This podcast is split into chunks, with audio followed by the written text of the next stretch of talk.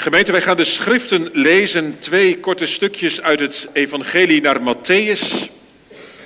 En vervolgens twee korte stukjes uit de eerste Johannesbrief.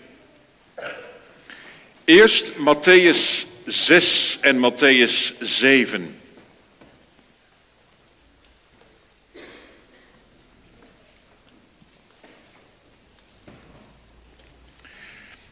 Matthäus 6, woorden uit de zogenoemde bergrede van de Heer Jezus.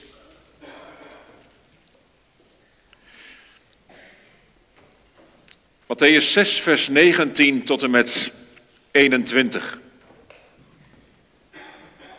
Waar de Heer Jezus zegt, verzamel geen schatten voor u op de aarde, waar mot en roest ze verderven en waar dieven inbreken en stelen. Maar verzamel schatten voor u in de hemel, waar geen mot of roest ze verderft en waar dieven niet inbreken of stelen. Want waar uw schat is, daar zal ook uw hart zijn.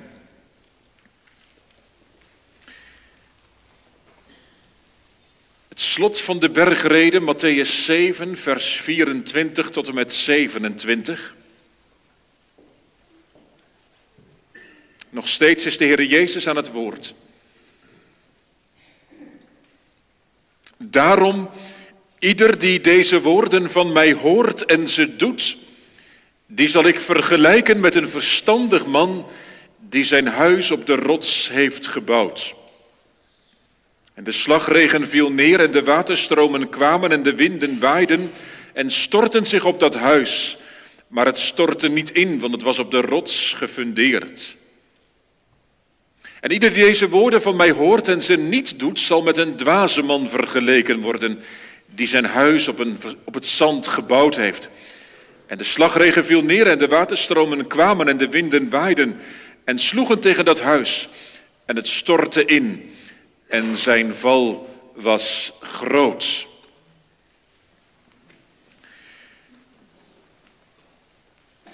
Ik lees u verder in de eerste Johannesbrief.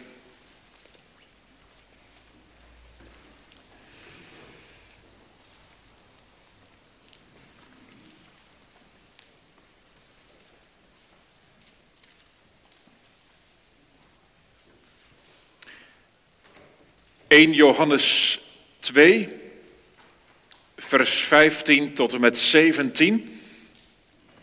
En ook de laatste tekst uit deze brief. In Johannes 2, vers 15. Heb de wereld niet lief. En ook niet wat in de wereld is. Als iemand de wereld lief heeft, is de liefde van de Vader niet in hem. Want al wat in de wereld is, de begeerte van het vlees, de begeerte van de ogen, de hoogmoed van het leven, is niets uit de Vader, maar is uit de wereld. En de wereld gaat voorbij met haar begeerte. Maar wie de wil van God doet, blijft tot in eeuwigheid. En de laatste tekst uit deze brief, dit Bijbelboek, 5 vers 21.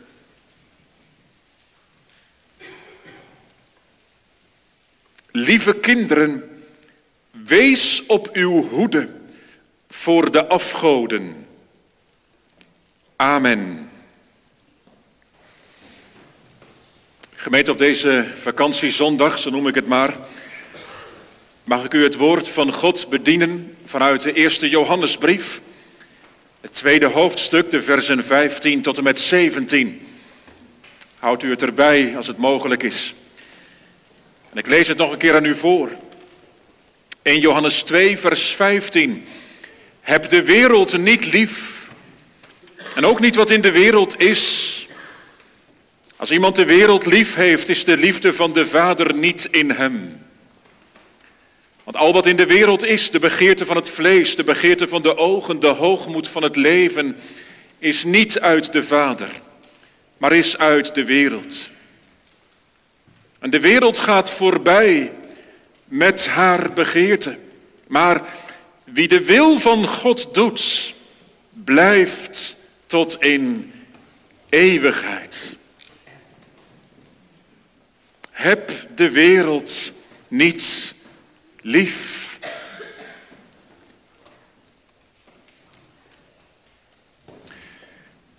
Gemeente van Christus, de tekstwoorden die vanmorgen voor ons open liggen, die kan ik niet meer lezen zonder terug te denken aan een vakantiekamp, waarbij ik leiding gaf aan een bijbelstudiegroep met jongeren van 17 jaar. Misschien had jij er zo wel bij kunnen zitten. En we lazen in die week met elkaar de eerste Johannesbrief. Elke morgen een moment van Bijbelstudie. En een van die 17-jarige jongens had op maandag, dinsdag, woensdag, donderdag tijdens de Bijbelstudies geen woord gezegd. Maar dan ook echt niks. En ook op vrijdag leek hij er het zwijgen toe te doen. Maar s'avonds op de slotavond, zoals je die hebt tijdens zo'n week, vroeg hij of hij iets mocht zeggen. Hij zei niet veel. Maar hij citeerde deze tekst, vers 17 van 1 Johannes 2. En het heeft zijn leven radicaal veranderd. Ik zie hem nog staan. Ik hoor hem nog voorlezen. De wereld gaat voorbij met haar begeerte. Maar wie de wil van God doet, blijft tot in eeuwigheid.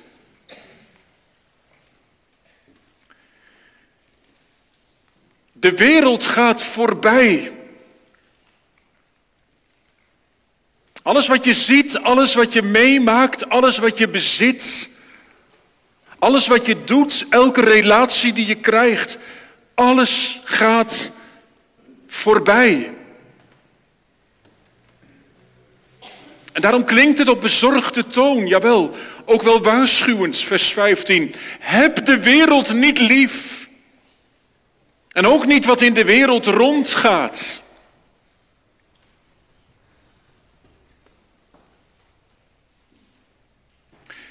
Meisjes en jongens, toen ik deze tekst voorlas thuis, toen ik bezig was met de voorbereiding van de preek, toen keek onze dochter van zeven even heel gek.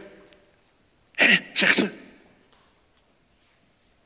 Heb de wereld niet lief? Dat klinkt gek in de Bijbel.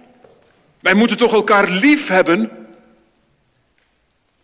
En jongeren, staat er niet heel vaak in de Bijbel woorden die, die juist alles zeggen over het liefhebben van de wereld. Denk aan die bekendste tekst uit de Bijbel. Al zo lief heeft God de wereld gehad. Dat hij zijn enige geboren zoon gegeven heeft. Staat dat hier wel goed? Heb de wereld niet lief.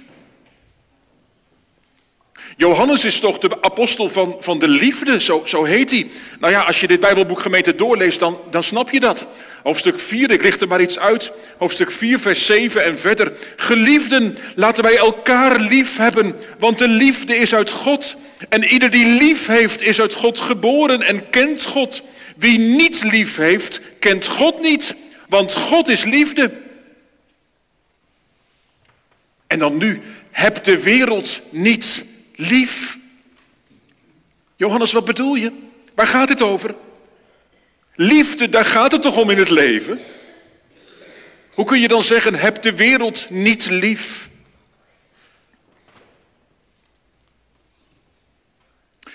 Gemeente, als één ding vanuit deze brief duidelijk wordt, overduidelijk, dan is het wel dat de liefde, de liefde uit God is. Je kunt natuurlijk veel voor liefde uitgeven en er zijn allerlei vormen van namaak en van surrogaat. Maar echte liefde komt bij God vandaan. En voor een gelovige, een kind van God, geldt dan ook wat Johannes schrijft in hoofdstuk 4, vers 19. Wij hebben God lief, omdat Hij ons eerst heeft lief gehad. Dus de liefde van God, hè, die Hij getoond heeft in Zijn Zoon, de Heer Jezus Christus, die liefde van God, die roept wederliefde op. Ja, liefde tot God. En, en die liefde betekent dan toewijding, overgave, je hart verliezen aan. Maar wat is het gevaar dat dreigt? Welke verzoeking is er voor een christen wanneer hij hier op aarde leeft? Dat die liefde, die uitgangen van zijn hart, die richting van je leven, dat dat niet gestempeld wordt door God en de liefde tot God, maar door liefde voor de dingen hier en nu. Noem het liefde tot de wereld. Want gemeente, hoe je het ook wendt of keert, wij staan als gemeente van Jezus Christus midden in deze wereld. En dat moet ook. Dat moet ook. God heeft ons hier geplaatst. Niet buiten, maar in deze wereld. Maar terwijl een christen wel in de wereld staat, is hij niet van deze wereld. Hij is immers van Jezus Christus, ja toch? Gekocht met de dure prijs van het bloed van de Heer Jezus. Dus wel in de wereld, maar niet, niet van de wereld. Maar ondertussen, niemand van ons, zoals we elkaar hier zien, of als u thuis of op uw vakantieadres meekijkt, niemand van ons is immuun voor, voor, voor de verleidingen en de trekkracht die, die, die de dingen van het hier en nu op ons uitoefenen. En, daar ligt een ontzaglijk gevaar. Dat onze liefde, ik kan ook zeggen ons, ons hart, dat het wordt ingepalmd door iets in plaats van of naast God. Door iets van hier beneden. Misschien juist ook wel in vakantietijd. En vanmorgen gemeente worden we voor een keuze gesteld. En we proeven daarin de bezorgdheid, maar ook wel de waarschuwende toon van de Heilige Geest. De Geest van Christus. Waar leef je voor? Leef je voor de wereld, voor het hier en nu? Of leef je voor God en voor zijn koninkrijk?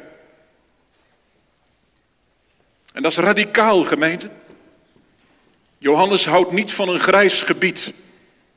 Dat grijze gebied is er gewoonweg niet. Trouwens, ook op andere plaatsen in de Bijbel is dat overduidelijk hoor. Jacobus bijvoorbeeld, vlak hierbij, die, die, die schrijft dat. Wie, wie een vriend van de wereld wil zijn, is een vijand van God. En hoe graag wij ook van twee balletjes willen eten, wie dat doet, die komt vroeg of laat ten val. Het is niet en-en, maar het is of-of. En daarom die woorden, heb de wereld niet lief en ook niet wat in de wereld is. Gemeente, wat wordt hier bedoeld met de wereld? De wereld. Ik, ik liet het net al een beetje merken, hè, dat, dat woord wereld, kosmos staat er in het Grieks. Eh, dat gebruikt de Heer Jezus zelf ook als hij het heeft over Gods liefde tot de wereld. En hier dus hebt de wereld niet lief. De wereld. Dat is hier in onze tekst niet de geschapen wereld. Niet de schepping van God. Ook niet de mensheid op aarde. Die schepping van God, die is wel degelijk van God. Van God. En die is ook uit God, hè? En, die moeten we lief hebben, verzorgen, bewaren. Plant en dier en, en mens. Maar wat betekent dat woordje wereld dan wel hier in de teksten? Wel gemeente, het gaat, het gaat over de krachten en de machten die zich in deze wereld openbaren. Daar zit het punt. De wereld waarin wij leven is geen neutraal gebied. En jongeren wil dat goed horen. Wil dat goed horen en denk daarover na. Want te vaak leeft de gedachte, ook in de christelijke gemeente, dat van alles in deze wereld neutraal is. En dan hoor je al gauw iemand zeggen, ja maar er is toch niks mis mee? Dat is toch gewoon leuk? En laat alsjeblieft duidelijk zijn. Er is veel waarvan je mag genieten in dit leven. Jazeker. Elke dag die jij hier op aarde krijgt, is, is een geschenk van God. En voor zover jij het ook als een geschenk van God ontvangt, ja, heb je alle reden om daarvan te genieten. Maar nooit los van de gever. De gever met een hoofdletter. Nooit los van God, je schepper.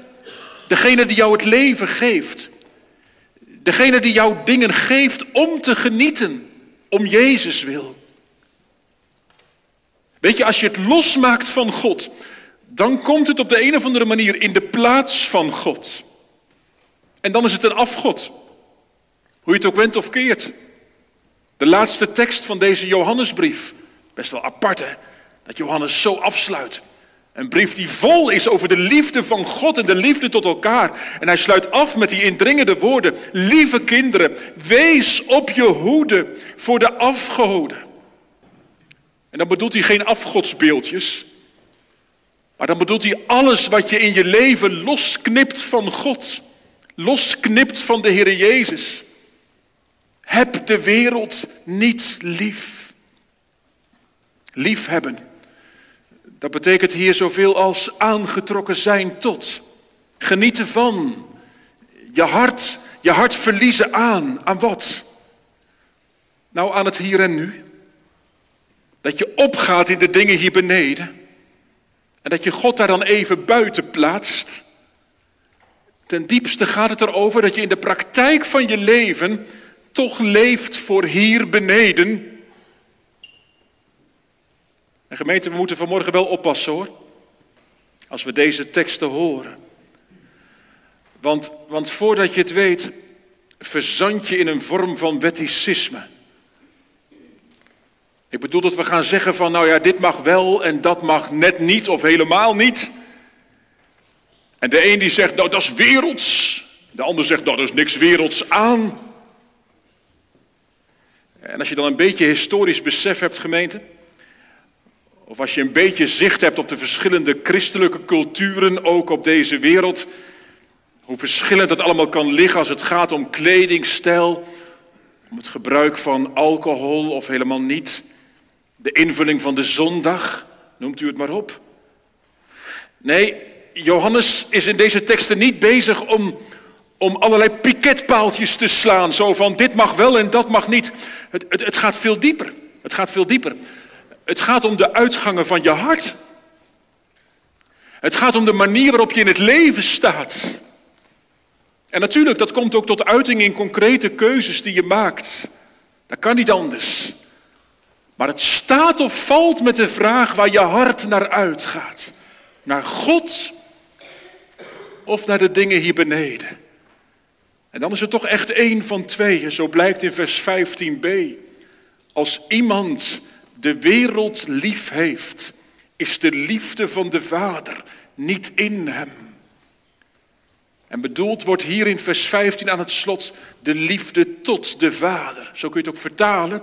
Dat is wel de bedoeling, de liefde tot God. De liefde die bij God vandaan komt, die jouw hart veroverd heeft en waardoor je God bent gaan liefhebben. De liefde tot God, die, die verdraagt zich niet met liefde tot deze wereld. Liefde tot God kan niet samengaan met een opgaan in de dingen hier en nu. Dan is het echt een vraag naar uw, naar jouw hart. Jongeren, ouderen. Daar kun je toch antwoord op geven vanmorgen. Waar gaat je hart naar uit? Waar is je leven mee gevuld? Wat stempelt jouw gedachten, jouw verlangens, de keuzes in je leven? Gaat je hart uit naar de Here en naar zijn toekomst en naar Christus die in de hemel is? Of gaat je hart uit naar de dingen hier beneden, naar genieten, naar het meemaken van dat en van dat, naar meer en groter en spannender? Kom, de oproep klinkt. Heb de wereld niet lief. Zet je hart er niet op.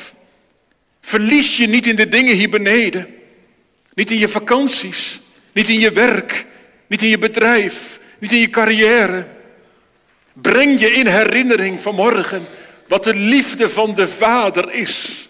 Algemeen, ik zou heel deze brief wel met u kunnen lezen om dat duidelijk te maken. Maar, maar laat ik u wijzen op hoofdstuk 3, vers 1. Zie, zie hoe groot is de liefde die de Vader ons gegeven heeft. Laat er zicht komen, gemeente, op die liefde. Liefde die de Vader ons gegeven heeft. Dat is dat geschenk vanuit de hemel, weet u. Dat was en is zijn enige geboren zoon, de Heer Jezus Christus. Gegeven in een verloren, ondergaande wereld. Gehangen aan het vloekhout van het kruis. Om in die weg te tonen dat God deze wereld, jawel, zo heeft lief gehad. Opdat een ieder die in de Heer Jezus gelooft, niet verloren gaat. Ieder die zijn hart aan de Heer Jezus verliest, het eeuwige leven heeft. Ja, zegt 3 vers 1, dat wij kinderen van God worden genoemd en niet van deze wereld. Hij alleen, gemeente, hij alleen is je hart en je liefde waard. Heb de wereld niet lief. En ook niet wat in de wereld is, vers 15. Je kunt ook vertalen wat in de wereld omgaat. En wat gaat er allemaal niet om in de wereld? Zoveel waarmee de duivel probeert ons aan het hier en nu te binden. En hij heeft ons zondige hart erin mee. Maar nog een keer, het is één van tweeën. Als iemand de wereld lief heeft, vers 15b, is de liefde van de Vader niet in hem. De liefde tot de Vader. Die liefde die uitgaat omdat Gods liefde naar ons uitgaat. En gemeente vers 16 werkt het dan op drie punten uit. Wat gaat er nou allemaal in de wereld om waar ons hart naartoe getrokken wordt? De apostel Johannes vat het samen met drie dingen. Kijkt u maar, vers 16. De begeerte van het vlees, de begeerte van de ogen en de hoogmoed van het leven. En ik dacht zo gemeente, je kunt die drie dingen samenvatten in drie woorden. Willen genieten, willen hebben en willen beheersen. Nog iets meer to the point? Nou ja, we hoorden net tien geboden van God, hè? Ik zou willen zeggen vanmorgen, de wereld heeft ook drie geboden. Drie. Samengevat in drie geboden hier bij Johannes. Drie geboden vanuit de wereld. Eén, geniet. Twee, heb. En drie, beheers. Allemaal gericht op het hier en nu op het moeten maken. Eerst dat eerste.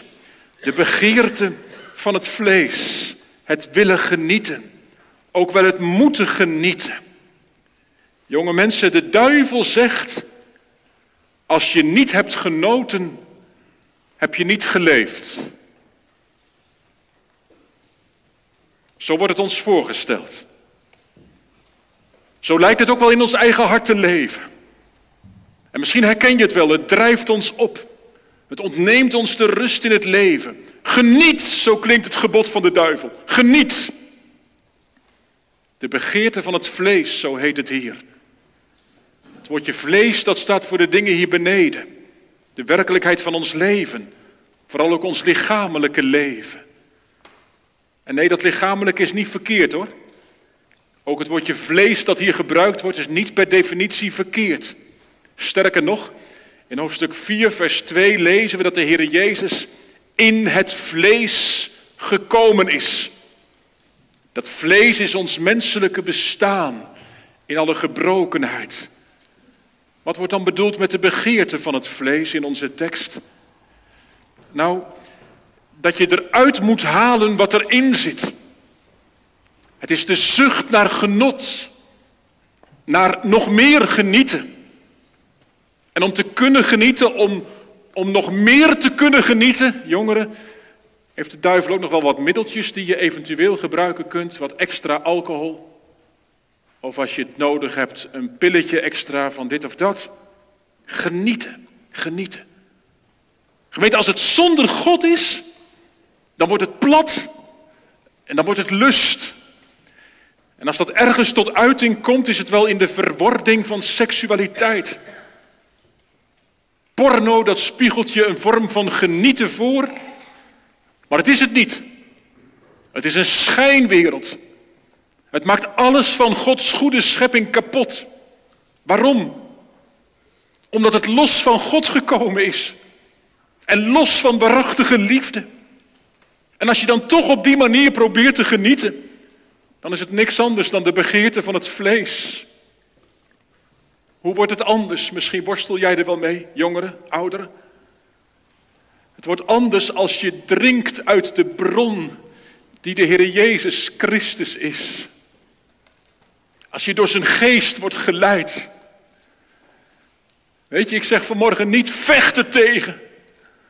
Maar ik zeg vanmorgen wel, laat je vullen met iets anders. Met iemand anders.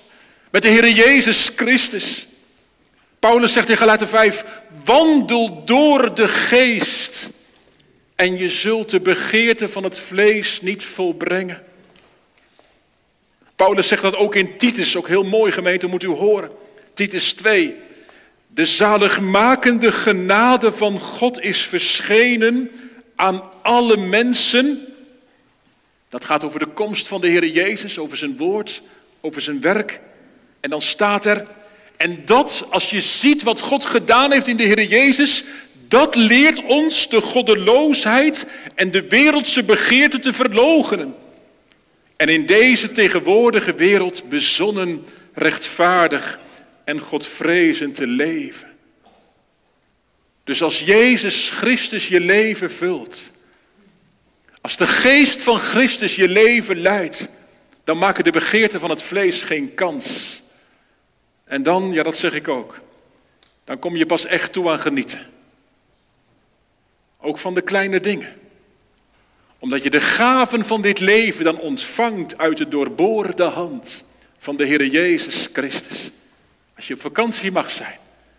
Dat je het ontvangen mag, dat je zegt, Heer, dat heb u nou voor mij verdiend, dat ik tot rust mag komen. Dat ik een plek mag hebben waar ik even op adem kan komen. Kijk, dan geniet je ook van de kleine dingen als je thuis bent. Van het goede, omdat God het geeft. Omdat Jezus het voor je heeft verdiend. Aan het kruis. Johannes noemt nog meer. Niet alleen de begeerte van het vlees. Hij heeft het ook over de begeerte van de ogen. Dat gaat over het willen hebben. Ligt dicht bij het eerste gemeente, maar het is breder. Het is het verlangen om in bezit te krijgen wat je met je ogen waarneemt. De begeerte om meer te mogen meemaken, om meer te kunnen proeven.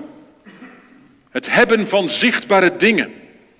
De begeerte van je ogen. Het willen hebben van die auto. Of van die vakantie. Dat je zegt, nou hoor ik dat hij daar geweest is. Nou, dat wil ik ook. Dat huis, die baan. Het willen hebben van iets hier beneden. Daar je zinnen op zetten. Daardoor geobsedeerd raken. Dat als je levensdoel gaan zien. Een gemeente van Groot Ammers. Ik ben er niet gerust op. Mijn eigen hart neigt ernaar, maar ik zie het ook in de gemeenten. Het moet groter. Het moet nieuwer. Het moet meer. Waar is de soberheid? In onze kleding, in onze auto's, in onze fietsen, in onze vakanties. Hoe wordt in het leven van de christelijke gemeente dat negende aspect van de vrucht van de geest zichtbaar? Matigheid, zelfbeheersing. En nee, dat leeft niet alleen bij jongeren, voordat u denkt van ja, dat moesten ze eens goed horen. Ik hoor het ouderen zeggen op hoge leeftijd. Soms zelfs als een ernstige ziekte is binnengekomen. Dat iemand zegt, ja maar ik wil dat nog graag meemaken. En dat. Ik wil dat nog graag een keertje doen. Gemeente, als het enkel gericht is op het hier en nu. Waar zijn we dan mee bezig? Wat verraadt dat dan als dat uit je hart komt op het moment dat je oud geworden bent? Gemeente, overdenk deze dingen. Want de begeerte van de ogen, de zucht naar meer, het willen hebben, het willen meemaken, dat is niet uit de Vader, maar dat is uit de wereld, zegt Johannes. Er is nog een derde iets. De hoogmoed van het leven. Waar gaat dat over? Nou, eerst ging het over willen genieten. En toen ging het over willen hebben, meemaken. En dit derde gemeente, dat gaat over, over willen beheersen. En dan vooral dat je uitstraalt dat je het allemaal onder controle hebt. Terwijl het achter de voordeur heel gebroken kan zijn. Het woord hoogmoed wordt hier gebruikt, maar dat heeft iets in zich van, van bluff. Je, je, hoger, beter, slimmer, rijker, belangrijker voordoen dan je bent. Iets, iets voorwenden wat je niet waar kunt maken. En dat woordje leven, hoogmoed van het leven, dat wijst er dan op dat je het vooral tot uiting laat komen in je bezittingen, in je uitstraling. Van buiten lijkt het allemaal fantastisch, maar ondertussen. Gemeente, kom. God, God prikt daar dwars doorheen. En het grootste gevaar daarvan is dat je, dat je meent onafhankelijk je weg te kunnen gaan. Alsof je zonder God en zonder mensen het allemaal wel redt. Je waant je in zekere zin onafhankelijk. Je hebt het allemaal onder controle. Zo lijkt het. Gemeente, die houding, die levenshouding, dat moeten genieten, dat moeten hebben, dat, dat willen beheersen. Johannes zegt het is niet uit de Vader, maar het is uit de wereld. Wie de liefde van de Vader kent, beleidt u dat in uw leven? Wie de liefde van de Vader kent, die leeft niet in hoogmoed, in trotse zelfverzekerdheid, maar in diepe afhankelijkheid. Zonder u, heren, kan ik niets doen. Ook in diepe overgave. Vader, u weet wat ik nodig heb. U zorgt, u draagt, u leidt mij. Gemeente, dit alles klinkt niet om u een veeg uit de pan te geven. Maar wel omdat de verzoekingen die Johannes beschrijft, tot op de dag van vandaag realiteit zijn in het leven van een kind van God. Onze oude mens is vaak zo springlevend. En de duivel heeft het juist op Gods kinderen gemunt. Wees waakzaam. Heb de wereld niet lief. Zet je zinnen er niet op. En als u zou zeggen vanmorgen, ja, het heeft mijn hart wel te veel bezig gehouden. Gemeente, maak er dan korte metten mee. Jezus zegt, ruk dat oog uit als het verkeerde begeerte bij je wakker roept. Hak je hand af als je dadendrang jou tot verkeerde prioriteiten brengt. Jezus zegt het is beter dat je met één oog of met één hand door het leven gaat, dan dat je met twee ogen of met twee handen straks belandt in de hel. Dat zijn woorden van Jezus. Johannes noemt drie dingen, hier in vers 16. Drie dingen gericht op het hier en nu. Gericht op een eigen ik. En ook dat laatste juist gemeente, dat staat radicaal tegenover een leven in dienende liefde voor God en voor je naaste. Met andere woorden, gemeente, als God je leven wel gezegend heeft. En dat kan hè. Dat u zegt, ja, de Heer heeft me zo gezegend met zoveel dingen in mijn leven. Misschien met een goed verstand, misschien met veel financiële zegeningen, kan allemaal, tijdelijke zegeningen. Maar Johannes zegt, de Heere God zegt, zoek dan naar mogelijkheden om daarmee te dienen. Te dienen.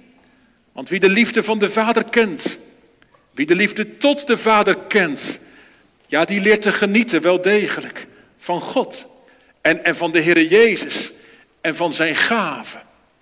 Ik moest denken, gemeente, aan het oude gedicht. Misschien kent u het wel. Dat oude gedicht. Roem, wereld, uw schatten.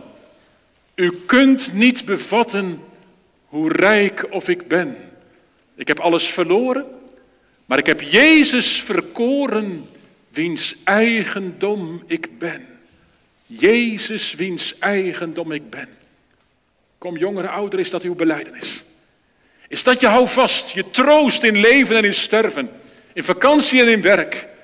Dat ik niet van mezelf ben, maar het eigendom van mijn getrouwe heiland, Jezus Christus. Die met zijn kostbaar bloed voor al mijn zonden volkomen heeft betaald. En mij uit alle heerschappij van de duivel heeft verlost. Heb de wereld niet lief. Ook niet wat in de wereld omgaat. Heb God lief boven alles. Heb je naaste lief. Heb Christus lief. Want, en dan ben ik weer bij vers 17. De wereld gaat voorbij. Met haar begeerte. Maar wie de wil van God doet, die blijft tot in eeuwigheid. De wereld gaat voorbij. Alles wat je hier en nu ziet. Alles waarvan je denkt te kunnen genieten. Wat je kunt verzamelen. Wat je meent te kunnen beheersen. Het gaat voorbij. Je sterft zoals je geboren bent. Met lege handen. Een doodshemd, zo zeiden ze vroeger, heeft geen zakken. Kom, denk eens even na. Waarmee vul je je dagen? Wat staat er in je agenda? Ook straks als het werk weer begint. Het gaat voorbij. Wat staat er in je huis? Wat staat er op je oprit? Het gaat voorbij. Wat ben je van plan in de vakantie nog? Welke doelen hoop je te bereiken, hier en nu? Het gaat voorbij. Behalve dat wat gedaan wordt uit liefde tot Jezus. Dat houdt zijn kracht. Dat zal blijven bestaan. Gemeente, als je zo je agenda, je plannen eens doorkijkt, hè? de invulling van je dag, wat blijft er over? Wat doet u uit liefde tot Jezus? Geef eens antwoord op die vraag. Wat in uw agenda, wat in uw gedachten, wat in uw huis, in uw leven, wat kan deze toets doorstaan uit liefde tot Jezus? Al het andere gaat voorbij. Het vergaat. Het verdwijnt. Jongeren, het heeft geen enkele zin om jouw leven te bouwen op dingen die vergaan. Meiden en jongens, jullie weten dat ook. Die twee mannen, we hebben het net uit de Bijbel gelezen, hè? Die twee mannen, die, die de Heer Jezus vertelt dat, hè? die bouwden een huis. En de een bouwde op zand en de ander bouwde op een rots. En toen de regen kwam en, en de winden waaiden, toen stortte dat ene huis in, want het was op zand gebouwd. En, en dat andere huis bleef staan, want het was op de rots gefundeerd. Ken je dat versje ook, wat dan verder zingt? Bouw je levenshuis op Jezus, de Heer. Want je huis staat dan voor eeuwig vast. Jongeren, wat zegt Jezus bij die gelijkenis? Die mijn woorden hoort en doet, die zal ik vergelijken met iemand die zijn huis op een rots gebouwd heeft. Nou, dat staat hier ook in vers 17. Wie de wil van God doet, zegt Johannes, die blijft tot in eeuwigheid. En dat doen, dat doen van de wil van God, dat wijst op een op een levenshouding. En als u dan nog vraagt vanmorgen, dominee, wat is dan de wil van God? Dat vind ik vaak zo moeilijk. Wat is dan de wil van God? Nou, God wil dat u in Jezus Christus gelooft. God wil dat u tot Hem de toevlucht neemt, ook vanmorgen. Dat je je zekerheid en je houvast vindt in Hem. En dat je leert uitroepen, wij hebben Hem lief omdat Hij ons eerst heeft lief gehad. En natuurlijk dan ook dat je omziet naar je naaste in nood. Dat je levensdoel hier op aarde gericht is op God en op je naaste. Dat het doen van de wil van God als het ware je levensprogramma wordt. Niet als een slaaf hoor. Niet omdat het moet, maar als een kind. Zoals Jezus dat zei, mijn voedsel is, daar, daar krijg ik kracht van. Als ik de wil doe van mijn Vader, die in de hemelen is. Dat hè. Dat je vreugde gaat vinden in het doen van de wil van God. Dan blijf je tot in eeuwigheid. Wie leeft uit God, uit de Vader, uit de Heer Jezus. Die mag, meent, dat moet u dan nog horen tot slot. Die mag en moet weten dat je leeft met Pasen in de rug. De dood is overwonnen. De zinloosheid is overwonnen. Misschien worstel je daar soms wel mee. Wat heeft het allemaal voor zin? Nou, het koninkrijk van God, dat baant zich, dat baant zich een weg door deze wereld heen. En, en daarom heeft jouw leven zin. Als je Christus kent, als je leeft voor God, dan is jouw leven het leven waard. Omdat Jezus leeft. De wereld gaat voorbij. Met haar begeerte. Maar wie de wil van God doet, die blijft tot in eeuwigheid. Amen.